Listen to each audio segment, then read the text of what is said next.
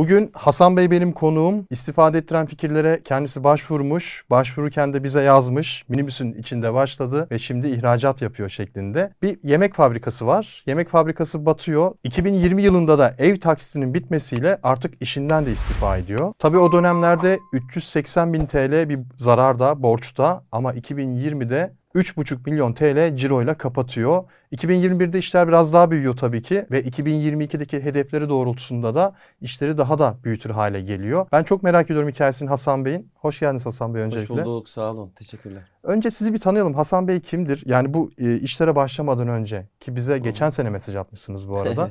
Biraz eski bir mesaj. E, bu işlere başlamadan önce ne yapıyordunuz? Şöyle ben kendim gıda mühendisiyim.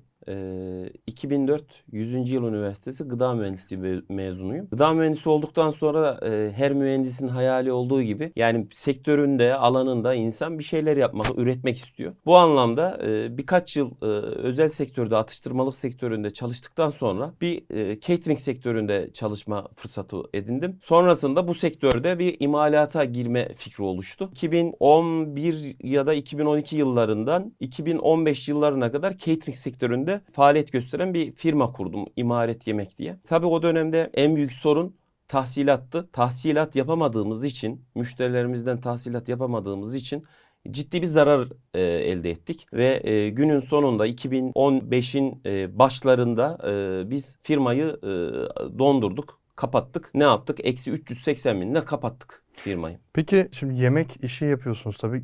Pişiriyorsunuz yemekleri. Aynen. Şirketlere veriyorsunuz. Şirketler size para ödüyor. Bu tahsilat neden yapılamadı? Yani normalde çok kolay bir şey değil midir? Bu zaten alınan bir hizmet. Ee, bir de yasal bir sözleşme de vardır muhakkak. Ya tabii o zaman işletmecilik apayrı bir şey. Belli prensipleri olan şeyler. Mesela bir sözleşme basamağı, işletmelerin pas geçmemesi gereken şeyler. Karaman gibi bir ilde yetkin, donanımlı personel bulmakta zorlanıyorduk. E, Birçok işi zaten kendimiz yapıyorduk. Çoğu müşteriyle e, sözleşme yapamıyorduk yani. Yani bize telefon açıyordu. İşte 50 kişilik yemek bugün başla, yarın başla. Hemen başlıyorsunuz. Zaten bir aksiyon var. Yemek işinde inanılmaz derecede bir tempo var. O temponun arasında emin olun tahsilat kaynıyordu. Hem bizden kaynaklı hem karşı taraftan kaynaklı. E, dolayısıyla e, ya biraz ayak altı bir durum vardı yani özellikle bizim e, Karaman ilinde. Yemek paralarını alamıyorduk. Alamayınca da ödemelerimizi yapamıyor hale geldik yani. Peki 2020 yılında ev taksitiniz bitmiş. Ondan sonra Hı. istifa ettim dediniz. Şimdi siz orada maaşı çalışıyordunuz o zaman değil mi? Yok. E, imaret yemek kendi kurduğum bir firma. 2015 yıllarında kapattım. Tekrar e, öncesinde olduğu gibi bir gıda mühendisi yönetici olarak atıştırmalık sektöründe Türkiye'nin önde gelen firmalarından birine e, kalite müdürü olarak başladım. Orada 5 yıl çalıştım ama e, maaşla ödenecek bir para değildi. Yani şöyle düşünün 8 yıl öncesinin 380 bin lirası. Eviniz varmış, gitmiş. Arabalarınız varmış gitmiş. E, yaptığınız yatırım boşa gitmiş. Yani sıfır rakamının ne kadar büyük olduğunu orada gördük. Eksi 380 binle kapattık ve bir yerde çalışmaya başladık. Bir şirkette yönetici olarak çalışmaya başladım. Şimdi siz öyle anlatınca e, benim de aklıma geliyor. Ben de şimdi seneyi hatırlamıyorum bayağı oldu da. Reklam işi yapıyorduk. Hı. Sosyal medya reklamları vesaire. Facebook'ta bir sayfamız vardı. E, bayağı da takipçisi var. Çok da güzel para geliyor. O yani o zamanın parası 150 bin TL. Bu zaman belki 1,5-2 milyon TL diyebiliriz. Ama deli gibi para harcıyoruz. Yani sonuçta para haydan gelmiyor belki ama biraz kolay kazanılan bir paraydı. Sonra battık. Eksilere düştük aynı dediğiniz gibi. Birçok şey kayboldu. Ev vardı, ev gitti bilmem ne vesaire. Ondan sonra tabii ne yapalım ne edelim gittim ben de aynı sizin gibi girdim maaşlı bir işe. Normalde bir saatte kazandığım parayı bir ayda alıyordum orada yani. Düşünün. Ya bu hem psikolojik olarak da çok yorucu. Düşünsene patronsun. Herkese emir veren, emir demeyelim de yanlış olur emir. İş veren. Yani sen şunu yap, sen bunu yap diyen adamsın. İşe kaçta gittiğin sana kalmış. Kaçta çıktığın sana kalmış. Ne kadar çalışsan hep kendi hesabına çalışıyorsun. Gün geliyor işin batıyor ve gidiyorsun başkasının kapısına maaşı çalışıyorsun. Ya bana çok psikolojik olarak bir yorucu gelmişti o. Size de oldu mu öyle? İnanılmaz. Yani öncesinde ben Karaman'da yemek fabrikasını kapatınca ilk İstanbul'a geldim. Aslında büyük konuşmuşum. Yemek sektöründe bir daha çalışmayacağım demiştim. Fakat yine burada bir yemek şirketinde yönetici olarak başladım ilk. İlk çalışmam oradaydı. Bir, birkaç ay sonra eşim öğretmen olarak Batman'a atanınca Karaman'a gitme arzusu uyandı. Çünkü eş durumu yapacağız. Nereye geleceği belli değil. Karaman'a gitme arzusu uyandı. E, evveliyatında yaklaşık yani e, kimi zaman 40'a varan part-time çalışanlarla birlikte 40 kişiye varan bir çalışma ekibiniz olmuş. O ekibi yönetmişsiniz. Kendi doğrularınızla, kendi bildiğiniz yöntemle yönetmişsiniz. Ama bir yere çalışmaya başladığınız zaman artık kendi doğrularınız bir yere kadar işliyor. Dolayısıyla onun altından kalkabilmek, sosyal anlamda, psikolojik anlamda altından kalkabilmek gerçekten bir sağlam bir irade istiyor yani. Kolay değil ya. Sonra ne oldu peki? Şimdi e, orada kilit nokta eşimin atanmasıyla birlikte ben yine buradaki yemek şirketinden atıştırmalık şirketine dönüş yaptım. Karaman'da bir firmaya. Zaten bisküvi, çikolata, kek sektöründe Karaman öndedir. E, duymuşsunuzdur. Birçok firmanın orada e, işletmesi var. Zincir mağazalara üretim yapan, e, ihracatı oldukça güçlü, yaklaşık yüzden fazla firmaya ihracat yapan bir şirkette kalite yöneticisi olarak, kalite müdürü olarak başladım. Ama e, biliyorum ki bu maaşla ödenmez bu borç. Çünkü psikolojik olarak da e, buna hazır değilsiniz. Yani bir an önce borcunuzu e, ödemeniz gerekiyor. O dönemde böyle bir kağıttan bir liste yapmıştım. Her gelene anlatıyordum yani. Bakın yani işletme, girişimcilik çok güzel ama ben böyle bir tecrübem oldu. Bu da borç listem diye. Yani bunu ödedikçe kırpıyordum böyle makasla kesiyordum borç listesini. Sonra gün gün gün gün gün gün ay ay e, o liste bitti.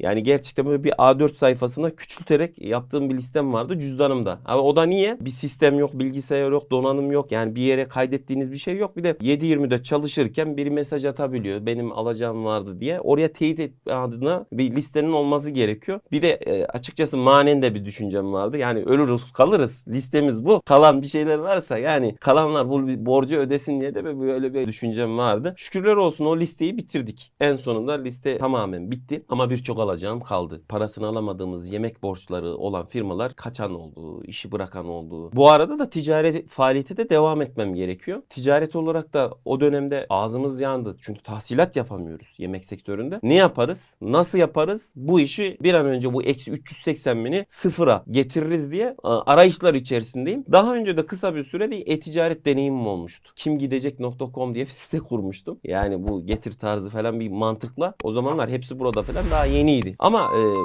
o gıda mühendisliğinin vermiş olduğu o üretme arzusu hep bir şeyler ürettirme e, idealistliği bizi bir yemek işine soktu ve e, bedelini ağır ödedik açıkçası. Dediğim şirkette çalışırken artık dedim ki yani ben para, tahsilat vesaire bunlarla uğraşmamam lazım. Yani enerjim buraya gitmemesi lazım. Ne yaparsın, ne yaparsın, ne yapalım? Dedim en iyisi tekrar biz online ticarete başlayalım. O zaten başlayıp da devam ettiremediğimiz bir projede olunca kısmen de e, bununla alakalı da tecrübemiz var ve e, e-ticaret sitesini kurduk. Hangi yıl? 2015. İlk markamız Helaliye'ydi. Yani o dönemde Helaliye markasını kurduk. Niye? Gıda sektörünün içindeyiz. 20 yıla aşkın üretim yönetimi, kalite yönetimi tecrübelerimiz var. Farklı sektörlerde girişimcilik yapmışız. Gıdada inanılmaz derecede taklit, taşiş, ham maddelerde özellikle katkı maddesi kullanımı söz konusu var. E dedik yani bunun bilincindeyiz ve etrafımıza da bunu anlatıyoruz. İnsanlar şunu diyor. Yani dinen sakıncası olmayan ürünler, katkı maddesi olmayan ürünler nelerdir? Neler alabiliriz diye devamlı sorular geliyor. Özellikle bizim Karaman'da yurt dışında gurbetçiler çok fazla. Oralardaki eş dost bizi bilenler çok soruyordu. Ne yapalım? Dedik ki yani biz hem güvenilir gıdayı evimize, hanemize götürelim hem de sevdiğimiz insanlar bunu kolayca bulabilsin diye Helaliye.com isimli e, bir site kurdum. E-ticaret sitesi. Birkaç tane ürün koymaya başladık. Sonra ürün bulamamaya başladım. Ürün bulamamaya başlayınca beni bu ürün üretme stratejisini geliştirmeye yönlendirdi. Niye? Çünkü bir siteniz var. E, sitede 3-5 tane ürünle bir insanları çekemiyorsunuz ya da sepet ortalaması düşük oluyor. Derken e, Ingro doğdu. Yani yaklaşık 2016 yılında aradan bir yıl ya da bir buçuk yıl sonra Ingro markasını kurduk. Sebebi de şu. Bazıları diyordu yani bana haram olanından gönder. Yani gıdanın helali mi olur falan. E, böyle konuşanlar oluyordu ki oluyor. Niye oluyor? Helal sertifikası var TSE'nin. Gıdaya helal sertifikası veriyor. Sebebi de şu. Domuz ve türevlerinden elde edilen katkı maddeleri olabildiği gibi alkolle muamele edilen ham maddeler ya da katkı maddeleri de olabiliyor. E şimdi bunların ürünün içerisinde olması helal kriterine uygun olmaması anlamına geliyor. Biz de e, bu hassasiyette olan bir tüketici olduğum için kendim dedik ki bu ihtiyacı giderme adına bir oluşum yapalım. Peki bir şey merak ediyorum. Şimdi domuzu anlıyorum. Hani Hı hı. helal olmaması konusu. Şimdi bir parantez içinde söylüyorum bunu merak Hı hı. ettiğim için. Doğada kendisinde içerisinde alkol bulunan e, bitkiler vardır elbette. Evet. Ki siz daha iyi biliyorsunuz. Ben Hı hı. çok bilmiyorum da. E, bu bitkinin o gıdanın içinde olması da mı helal e, olmuyor kullanıyor. Şimdi buna en güzel örnek alkolün varlığının saptandığı en güzel örneklerden bir tanesi sirke. Sirke fermente bir ürün. İçerisinde belli bir miktarda zaten alkol var. Araya fermentasyon girdiği zaman değişiyor. Ya alkol çıkıyor ya e, asetik asit devreye giriyor ve zamanla asetik asite dönüşüyor. Şarap da öyle o zaman. O da Tabii fermente. oradaki fark işte oksijenin devreye girip girmemesiyle alakalı. Hı. Orada birinde çıktı etil alkol, birinde çıktı asetik asit. O en önemli farkları o. Bununla birlikte bazı meyveler var, bazı da alkol türevli olan şekerler var mesela. Ama buna dinimiz cevaz veriyor. Yani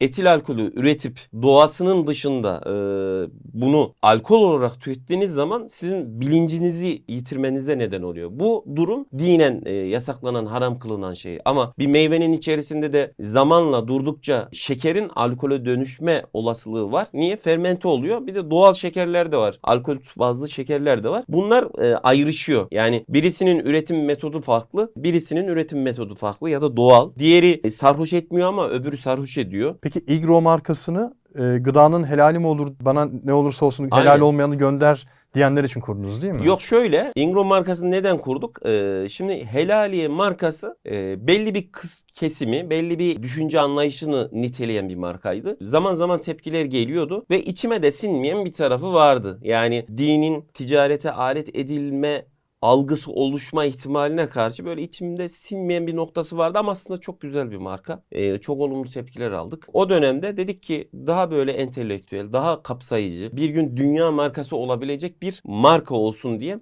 araştırmalara başladık ve çok aşırı derecede bir markaya merakım var. Sürekli böyle e, kelimeler türetirim. Ne bileyim domainler alırım. Böyle bir dönem ciddi bir e, şeydi, hobimdi. Ingro'yu türettik. 3, 4 ya da 5 harfli bir marka olsun istiyordum. Akılda kalıcı olsun. Daha önce kullanılmadık bir şey olsun. Ingredient'ten grow gelişmek, işte agro, tarım hepsinin sentezi bir Ingro markası doğdu. Çok mantıklıymış ya. Peki bu minibüsün içinde başladı yazmışsınız burada da mesajınızda. Evet. Ee, nasıl oldu? Minibüsün içinde başlamak ne demek? Şoförlük mü yapıyordunuz? Yapmadığımız bir o kaldı. ya şöyle benim bir felsefem var aslında esasen. Buradan da söyleyeyim. E, tanıyanlar eş dost bilir. Biz adam hariç her şeyi satarız diyoruz. Çünkü esnaf çocuğuyuz. Esnaflıktan gelmeyiz. 7 yaşından beri hep e, dükkanda büyüdük. Esnaflık içerisinde olduk. Hep ticaret bir arzumdu. Yani e, başka bir ihtimali aslında düşünmüyordum. Düşünemedim de. Şimdi minibüsün hikayesi şu. Bir marka yapmışsınız. 3 yıl kadar yemek işletmesi çalıştırmışsınız. İnsanlar arıyor. Toplu yemek organizasyonları da yapıyorduk biz. Düğünde Konya Karaman bölgesinde kavurma pilav meşhurdur. Düğün yemeği olarak. E, onu gidersiniz düğün sahibinin bahçesinde ya da işte e, evinin önünde sofralar vardır yuvarlak. Onları serersiniz. Orada sunum yaparsınız. Dağıtırsınız. Kavurma pilav dağıtırsınız. Bu yaygındır. Ramazanlarda iftar yemeği. Yazında düğün yemekleri bu şekilde çok olur. Şimdi nakit olan kısmı buydu yemek işinin. En güzel tatlı para oradaydı. E şimdi catering kısmında, tabldot kısmında ciddi bir veresiye ve cari oluşmuştu ve bizi eksiye düşürmüştü. Dedik ki yani bu parayı nasıl kapatacağız? Eksi 380 bini ben bir şekilde kapatmam lazım. Hem çalışıyordum o dönemde hem de toplu yemek organizasyonu yapıyordum. Telefonlar geliyordu, siparişler geliyordu. Çünkü bilinirliğimiz var. Daha önce bize yemek yaptırmış kişiler var. Ama yapacak yer yok. Genelde Konya'da böyle bir minibüsle, bir kamyonla bu işi çözüyorlar. Malzemeyi atıyorlar. Gittikleri yerde ya da minibüsün içerisinde bile yemek yapılabiliyordu. Biz de eski aşçılarımdan bir tanesiyle bir minibüs aldık. Onu da ortak ettim. Kar ortağı. Çünkü ben çalışıyorum. O yapacak yemeği, o organize edecek. E, o dönemde o da boştaydı. Benim yemeklerimi yaklaşık 2 yıl boyunca o yaptı. Yaklaşık bir 30-40 yemek sezonda minimum yemek yapıyorduk. Organizasyon yapıyorduk. Organizasyonları tamamen o yapıyordu. Bir dönem hatta kendim de hafta sonları gidip yemeğe kendim pişirip kavurmayı kendim yapıp dağıtımı kendim organize edip yaptığım da oldu. Minibüs oradan gelmeydi. Ortak bir minibüsümüz vardı Mitsubishi L300 ve e, minibüsün içerisinde başlama hikayesi şöyle oldu. O ortaklık bitti. Dedik ya tamam biz bu işi artık yapamıyoruz. Yani yetişemiyorum. Tamamen e, e-ticarette başladığı için ürünü aldım koyacak yer yok. Yani iki çuval kara buğday, kara buğday ürünü yani greçka diye geçer. Greçkayı Türkiye'ye tanıtan benimdir yani bunu da mütevazilik yapmayacağım. Birçok yerde e, tanıttık, anlattık. Bu konuyla alakalı ürünler yaptık. Ürün aldım 50 kilo. İlk aldığım ürün 50 kilo kara buğdaydı. Yaklaşık 2015'lere denk geliyor işte. Koyacak yer yok. Biz de o dönemde ortak olduğumuz minibüs bana geçmişti. 8 bin liraydı hiç unutmuyorum. 8 bin liralık bir minibüs. Plakasını çıkarttırdım. Trafikten men ettim. E, evin önüne koydum. Çünkü binemem zaten. Binilebilecek yenebilecek de bir halde değil. Bayağı bir hurda hale gelmişti. Bu bildiğimiz şey gibi hani köftecilerin yemek yaptıkları minibüsler var ya öyle bir minibüs mü? Panelvan minibüs L300. Panelvan. Yani e, Ha. L300 kapalı panelvan. Arkasında bir tane koltuk var, boşluğu var. İşte biz ona yemek malzemelerini atıp götürüp e, yemek yapıyorduk. Yani, ve o 50 kilo ürünü ilk oraya koydum. Yani ilk depom orası. Ve orada başladık. E tabi siparişler geliyor. Bir taraftan hatta şöyle bir anım var onu da anlatmak istiyorum. Yani gerçekten hiçbir şey kolay değil. E, ama burada esas olan şey kolay olmadığını bileceğiz. Fakat azmetmek gerekiyor. Yani pes etmemek gerekiyor. Hedefe e, kilitlenip hedefe kilitlendiğiniz ve aksiyonlar neler yapmam gerekiyor bunları tespit edip yola devam etmek gerekiyor. Tabii biz 8-6 işte çalışıyoruz. Gelmem benim 7 yemeği yedim 8'i 8.5'u bulabiliyor. E, ürünler var paketlenecek. O dönemde ne yapıyorduk? Minibüsün içerisinde ben soğuk kar tipi orada aşağıda çalışıyorum. Uzun boylu da olunca sırtım açılmış. Minibüsün içinde eğiliyorum. Sırtımdan böbrekleri üşütmüşüm. Yani bir yıl falan bayağı bir ağrı yaşadım. Dedim ya bu böyle olmayacak. Ben en iyisi bir depo tutmaya e, bakayım. Çünkü e, ürünler de artık artmaya başladı. İlk bulduğum depo 200 TL aylık kirayla bir depoydu. Yani o artık minibüsten İş 6 ay falan minibüste devam ettikten sonra yaklaşık 5 ay artık ilk depomu tutmuştum. Düşünün e, mülkiyeti sizin olan bir yemek fabrikanız var ve 200 liralık bir depoyu tuttuk diye seviniyorsunuz. Yani gerçekten öyle dönemler oldu. Bu tabii sizin o Igro markasıyla o helal gıda markasının kurmadan önce olan bir süreç Yok? Helaliye markası var o dönemde. Ha, var. Helaliye markası var. Helaliye markasıyla iş yapıyorum. Hı. Ürün arıyorum ama bulamıyorum. İlk kara buğdayla başladım. 50 kilo ürünü koydum depoya. Depo dediğim minibüs. Minibüse. Minibüse koydum ve kara buğdayın ama şimdi ürün yok. Yani alacak güç de yok. E ne yapacağız? Yani bu ürünü bir şekilde bir çoğaltmam lazım. Ne yaptım? 250 gramından 25 kiloya kadar farklı farklı gramlar yaptım. Her birini varyant şeklinde değil de farklı bir ürün gibi ekledim siteye. Çünkü kara buğdaydan başka bir ürün yok. Dolayısıyla kara buğday, kara buğday unu vesaire hepsini ekledik ve öylelikle başladık. Sonra birkaç çeşit farklı ürünler, bakliyat unları, tahıl unları derken derken artık minibüsün içi almamaya başladı. Yaklaşık bir buçuk ton falan bir ürün koyabiliyordunuz. Bir de orada çalışmanız lazım, paketlemeniz lazım. Ve o dönemde Tarım Bakanlığı'ndan evde yapılan ürünlere e, tarım izni alınıyordu. işletme kayıt belgesi alınıyordu. Benim e, o dönemden kalma bir de işletme kayıt belgem var. Onu almıştım. Biz de o şekilde izin almıştık ve o şekilde başlamıştık. Sonra işte depo tuttuk. Sonra üretim ayağı oldu. Sonra e, farklı metrajda büyük yerlere geçti iş. Yani yaklaşık bir 3-4 yıl içerisinde her şey e, hızla büyümeye başladı. 380 bin TL borcu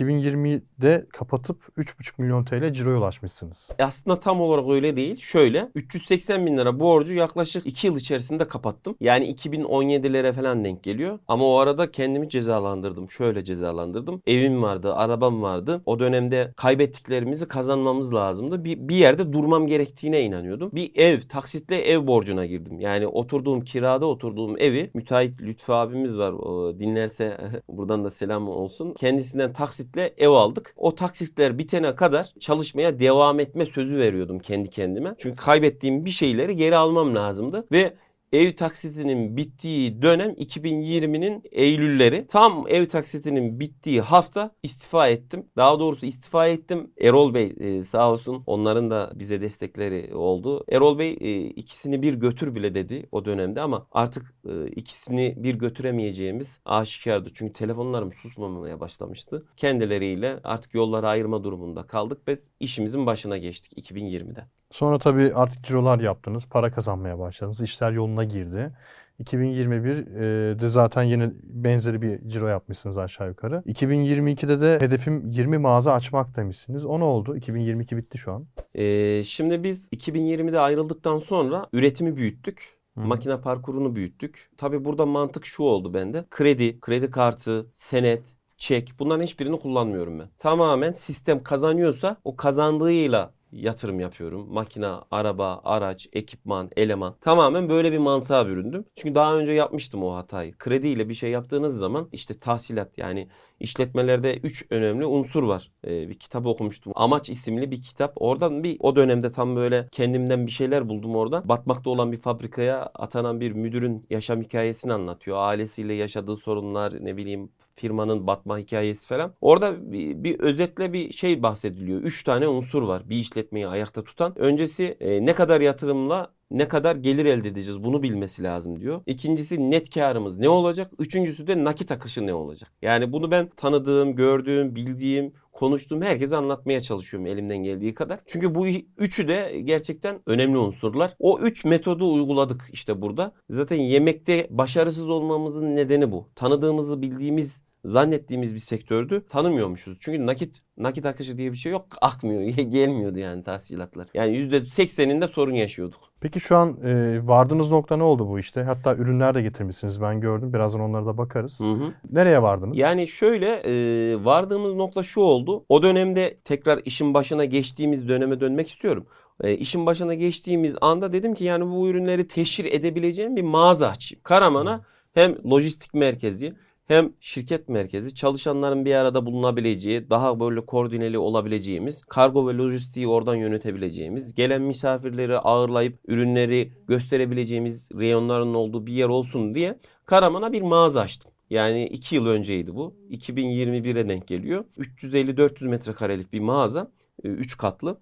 Tabi Karaman 155 bin nüfuslu bir yer ama e, gerçekten inanılmaz derecede talep gördü. Yani bazı ürünleri hiçbir yerde bulunamayan ürünleri Karaman'da satan bir mağazanın olması çünkü 1500 ham maddeyi işleyip yaklaşık 4500 barkod ürün üretiyoruz şu anda. Geldiğimiz noktadan biraz bahsetmek istiyorum. Bunlar glutensiz unlar, vegan unlar, doğal unlar, kuru yemişler, baharatlar, bakliyatlar, süper gıdalar, e, sirkeler, sürülebilir ezmeler, kahvaltılık kremalar, tahıl ezmeleri, filizlendirilmiş bakliyatlar, aktar ürünleri, e, bitkisel yağlar gibi birçok ürünü üretiyoruz. E, incelediğim zaman bunu tek bir işletmeden üreten, bunu paketleyen, toptan ve perakende de e, yurt içi ve yurt dışı firmalarla buluşturan, tüketiciyle buluşturan bir örnek yok. Yani şöyle söyleyeyim, öğütülüp pakete koyulabilecek her şeyi öğütüp pakete koyuyoruz. E, ve bunları üreticilerle yaklaşık 3000'den fazla firmaya buluşturuyoruz. Firmanın tedarikçisiyiz. İrili ufaklı Türkiye'nin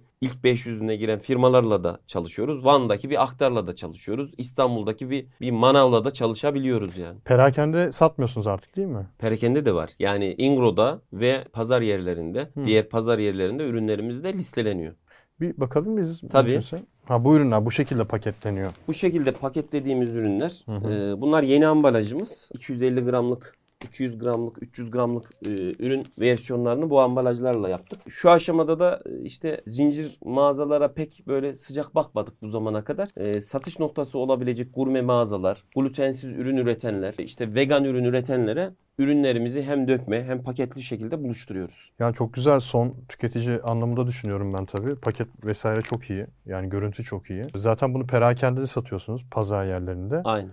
E, toptan da satıyorsunuz. Dağıtım ağınız da var artık. İstanbul'da bir ekibimiz var. Diğer yerlere de kargo ile ya da kamyon nakliye e, araçlarıyla bütün illere gönderiyoruz. Yurt dışına da gönderimimiz oldu tabii. Bir 10 kadar ülkeye de parsiyel yani böyle konteyner şeklinde değil de bir palet, iki palet, üç palet ürün göndermemiz oldu. Peki bu Ingro üzerinde söylüyorum. Çünkü şu an artık günümüzde bu, bu işi yapıyorsunuz artık. Hı hı. Yani diğer işte e, diğer bu helal ürünle uğraşmıyorsunuz. Artık tamamen buna odaklısınız. Esasen e, helaliyeyi de kapsayan bir marka Ingro. Hı. Yani biz Ingro'nun e, yapısını şöyle düşünün. Hem helal kriterlerine uygun uygun gıda üretiyoruz hem doğal kriterlerine uygun gıda üretiyoruz. Tabii üretim aşaması çok çok ciddi bir iş. Yani bunu herkes kolay kolay yapamaz. Hadi ben bir e, gıda mühendisiyim ya da ne bileyim gıda yapmayı seviyorum. Böyle bir organizasyona gireyim, paketli gıda üreteyim, bunu gideyim toptan perakende satayım. E, özellikle üretim kısmını fason olmadan yapamaz kimse. Bunu siz fason yapmıyorsunuz sonuçta. Kendiniz ürettiriyorsunuz değil mi? Şimdi şöyle dediğiniz çok doğru. Bizim şu anda çeşit listemiz yaklaşık 50 sayfa. Yani 50 tane A4 sayfası boyunca çeşitlerimizi e, saymakla bitmez burada anlattığımız zaman. Kaynağı şu. Ben 2000 yıl yılında 100. Yıl Üniversitesi Gıda Mühendisliğini kazandım. Üniversiteyi de katarsak 23 yıldır gıda sektörünün içindeyiz. Ve yaklaşık 5'e yakın uluslararası firmada görev yaptım. Üretim ve kalite yöneticiliği yaptım birçok denetlemeye girdim. Birçok denetleme e, geçirdim. Birçok e, ham madde üreticilerinin tesislerini gezdim. E, birçok ham maddeyi kullandım. Bunlardan edindiğiniz tecrübelerin dışa vurumu diyebiliriz. Projeye dönüşmüş hali diyebiliriz Ingro'yu. Yani bugün ben şu ürünü yapacağım deyip bismillah deyip başladığınız zaman yapabileceğiniz ürün 3-5'i geçmez ilk 1-2 yıl içerisinde. Bizim hızlı hareket edebilmemizin en önemli e, özelliği e, işin içinden gelmiş olmamız. 20 yılı aşk, aşkın bir sürenin olması. Peki parası olan birisi hadi ben böyle bir şey yapayım dediği zaman ne kadar bir sermaye harcaması lazım? Valla bu iş parayla bir kere paranız olsa da olmayacak olan bir iş. Yemekte e, biz benzerini yaşadık. Para evimi satıp sermaye yapmıştım o yemekte. Sonucu olarak baktığınız zaman evde gitti. Eksi 380 binle kapattık. Bu iş bir kere ürünü bilmek gerek. Ham maddeyi nasıl işleyeceğinizi bilmeniz gerekiyor. Makinaları falan kendim tasarladım ben. Yani kendim tasarladığım makinaları makinacılara yaptırdım. Ee, mesela bir makine aldık olmadı. iade etmek zorunda kaldık. Şimdi 400 çeşit un üretiyorsunuz. Her makinede her ürünü işleyemiyorsunuz. Kimisinin yağ oranı farklı, kimisinin rutubet oranı farklı, kimisinin sertliği farklı, yapısı farklı, kimisi işlem görürken tadı değişiyor, rengi değişiyor. Bunları kabaca da olsa bilmeniz gerekiyor. Bizim ürettiğimiz ürünleri diyelim ki 100 milyon lirası var bir yatırımcının yapmaya e, çalışsa yapamayabilir. Sebebi de şu. E, diyelim ki bir mühendis koydu işin başına. En fazla 3-5 tane ürünü bilebilir. Yani uzun yıllar farklı ürünlerle, farklı firmalarla, farklı ham maddelerle haşır neşir olmuş bir ekibin kadronun olması gerekiyor. Peki ben işte girişimciyim. Çaldım kapınızı dedim ki ya sizin en çok satan bu 5 tane ürününüzden ben fason yaptırmak istiyorum. E, ambalajında Ingro yazmayacak da Tuer yazacak. Kendi markamı hı hı. yapacağım. Ben bunu Türkiye'de işte Trendyol'da hepsi burada da ya da ne bileyim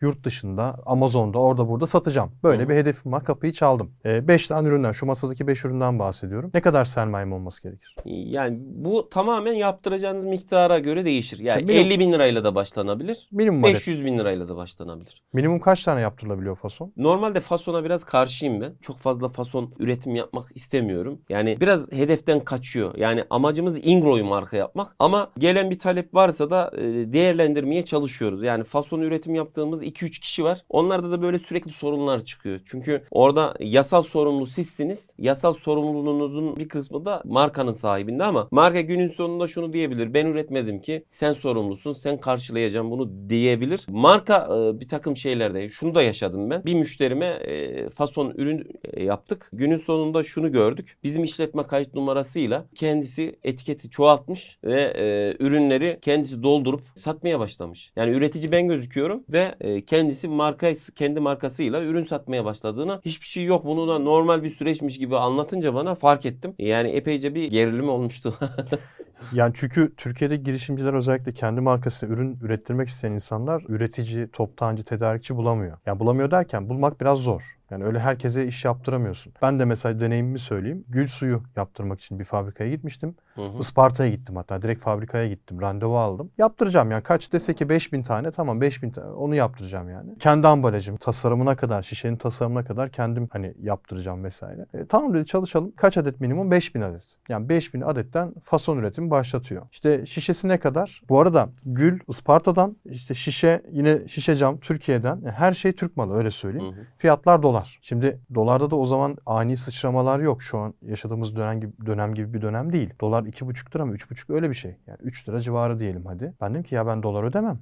TL. Türkiye burası. Isparta'ya. Bir de köye gittik yani. Köy gibi bir yerdeyim. Şimdi siz e, ne, nereye bağdaşlayacağımı anlayacaksınız. Köy gibi bir yerdeyim yani. Böyle büyük bir şehirde de değilim yani. Metropolde de değilim. Ne doları. Yok dedi biz böyle çalışıyoruz. Yoksa olmaz. Ben sırf o dolar sözüne kızdığım için bıraktım çıktım. Yaptırmadım gül suyunu. Yarım kaldı. Şimdi e, sizin özelinizde değil belki ama şimdi Karaman'da bu işleri yapanlar vardır. Belki farklı şehirlerde de illaki birçok üretici var. E, benzer ürünleri yapan. E, böyle bir işletmenin kapısı çalındığı zaman bir girişimci ya ben cebimde ne bileyim bir 50 bin lira para var. Hadi bu üründen 50 tane yaptırayım. 5000 tane yaptırayım. 2000 tane yaptırayım. E, nasıl yaklaşıyor fa- fabrikalar, üreticiler bu tarz girişimlere? Ya genel anlamda insanlar fasona karşı biraz seviyeli yaklaşıyor. Yani çok yapmak istemiyor. Kendine rakip çıkar gibi düşünebiliyor. Ama biz hiçbir zaman ben şahsım olarak hiçbir zaman ticari bir kaygı yaşamadım. Zaten Ingro'nun konuşmanın başında da anlattığım gibi helaliye ile başladık. Amacımız doğal ve sağlıklı ürünlerin yayılması. Vizyonumuz da bu zaten. Yani Ingro tüm dünyaya doğal ürünleri buluşturan bir marka olsun istiyoruz. Yani ille de birisi biz fason yapacağız ve kararlıyız. Gerekli a, altyapıda ne gerekiyorsa bize düşen yaparız diyorsa yardımcı oluyoruz. Olaya ticari olarak bakmıyorum ben. Yani sağlıklı ürünlerin, güvenilir ürünlerin yayılması olarak bakıyorum. Dediğim gibi birkaç tane firmaya fason biz yapıyoruz ama çoğu firma dediğiniz o 5000 adet, 10 bin adet böyle yani böyle kendi markasını satmaya e, kanalize etmek için böyle yaklaşımlarda bulunabiliyor. Biz öyle bir yaklaşımda bulunmuyoruz. Eğer böyle kabul edilebilir bir sayıda bir taleple gelinirse yani minimum işte 50'şer, 100'er, 200'er e,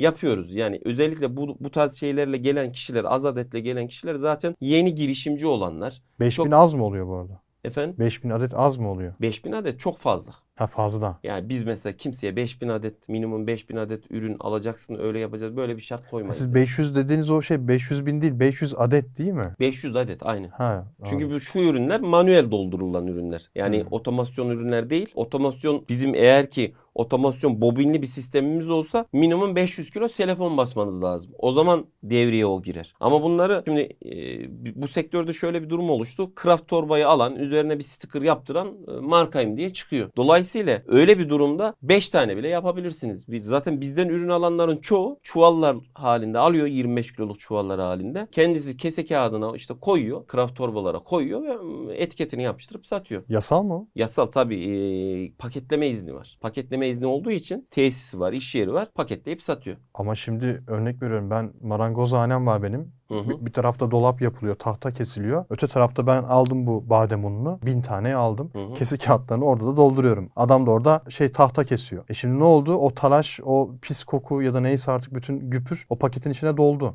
Ya paketleme koşulları, saklama koşulları buna önemli değil mi? Kesinlikle önemli. O tarz durumda zaten yapamazlar. Nasıl yaparlar? Gıda Tarım ve Hayvancılık Bakanlığı'nın işletme kaydı, kayıt belgesi, izni olması lazım ki o zaman yapabilsin. Hmm. Yani o da e, işte yerin fayanslı olmasını ister, duş ister, WC ister, sıcak su ister, e, periyodik kontroller olur. Bu tarz gereksinimler var. O gereksinimleri sağlayan yerler paketleme izni, üretim izni alır. O zaman sizden bunu alıp da craft paketlere dolduran herkes bunun izni Tabii. alıyor mu? Aynen Ha, izni olan gerekiyor. yerler. Anladım. İzni olmayan e, illegal yapıyor bu iş. Hani ben minibüste e, bahsetmiştim ya minibüs ama minibüsü depo olarak kullanıyordum. Benim e, üretim iznim evin hı. e, içerisiydi. Evde yapılan yerlere Gıda Tarım ve Hayvancılık Bakanlığı izin veriyordu. Şu an vermiyorlar pek fazla. Evinin önünde tatlı yapan, evden yemek yapıp satan, işte ne bileyim e, bir takım hamur işi yapıp satanlara e, iş geliri olsun diye evden çalışanlara böyle bir e, kolaylığı vardı devletin. Oradan yararlandık. Yoksa aksi takdirde bir gıda ürününü işletme kayıt belgesi ya da gıda üretim izni olmadan özellikle yüksek riskli gruplarda süt ve süt ürünlerinde, et ve et ürünlerinde gibi onlarda gıda üretim izni var. Diğerlerinde işletme kayıt belgesi var. Orada paketleme de yapabilirsiniz. Bazı ürünlerin üretimini de yapabilirsiniz. Yani bizden 25 kilo çuvallarda bu ürünlerden alanlar kendi paketiyle işletme kayıt belgesi varsa, tesisi varsa, bir yeri varsa, iş yeri varsa orada paketleyip satışa sunabilir. Valla Hasan Bey ağzınıza sağlık. Çok güzel bir sohbet oldu. Buraya kadar geldiniz. Çok da memnun oldum. Şu selamımızı da yapalım.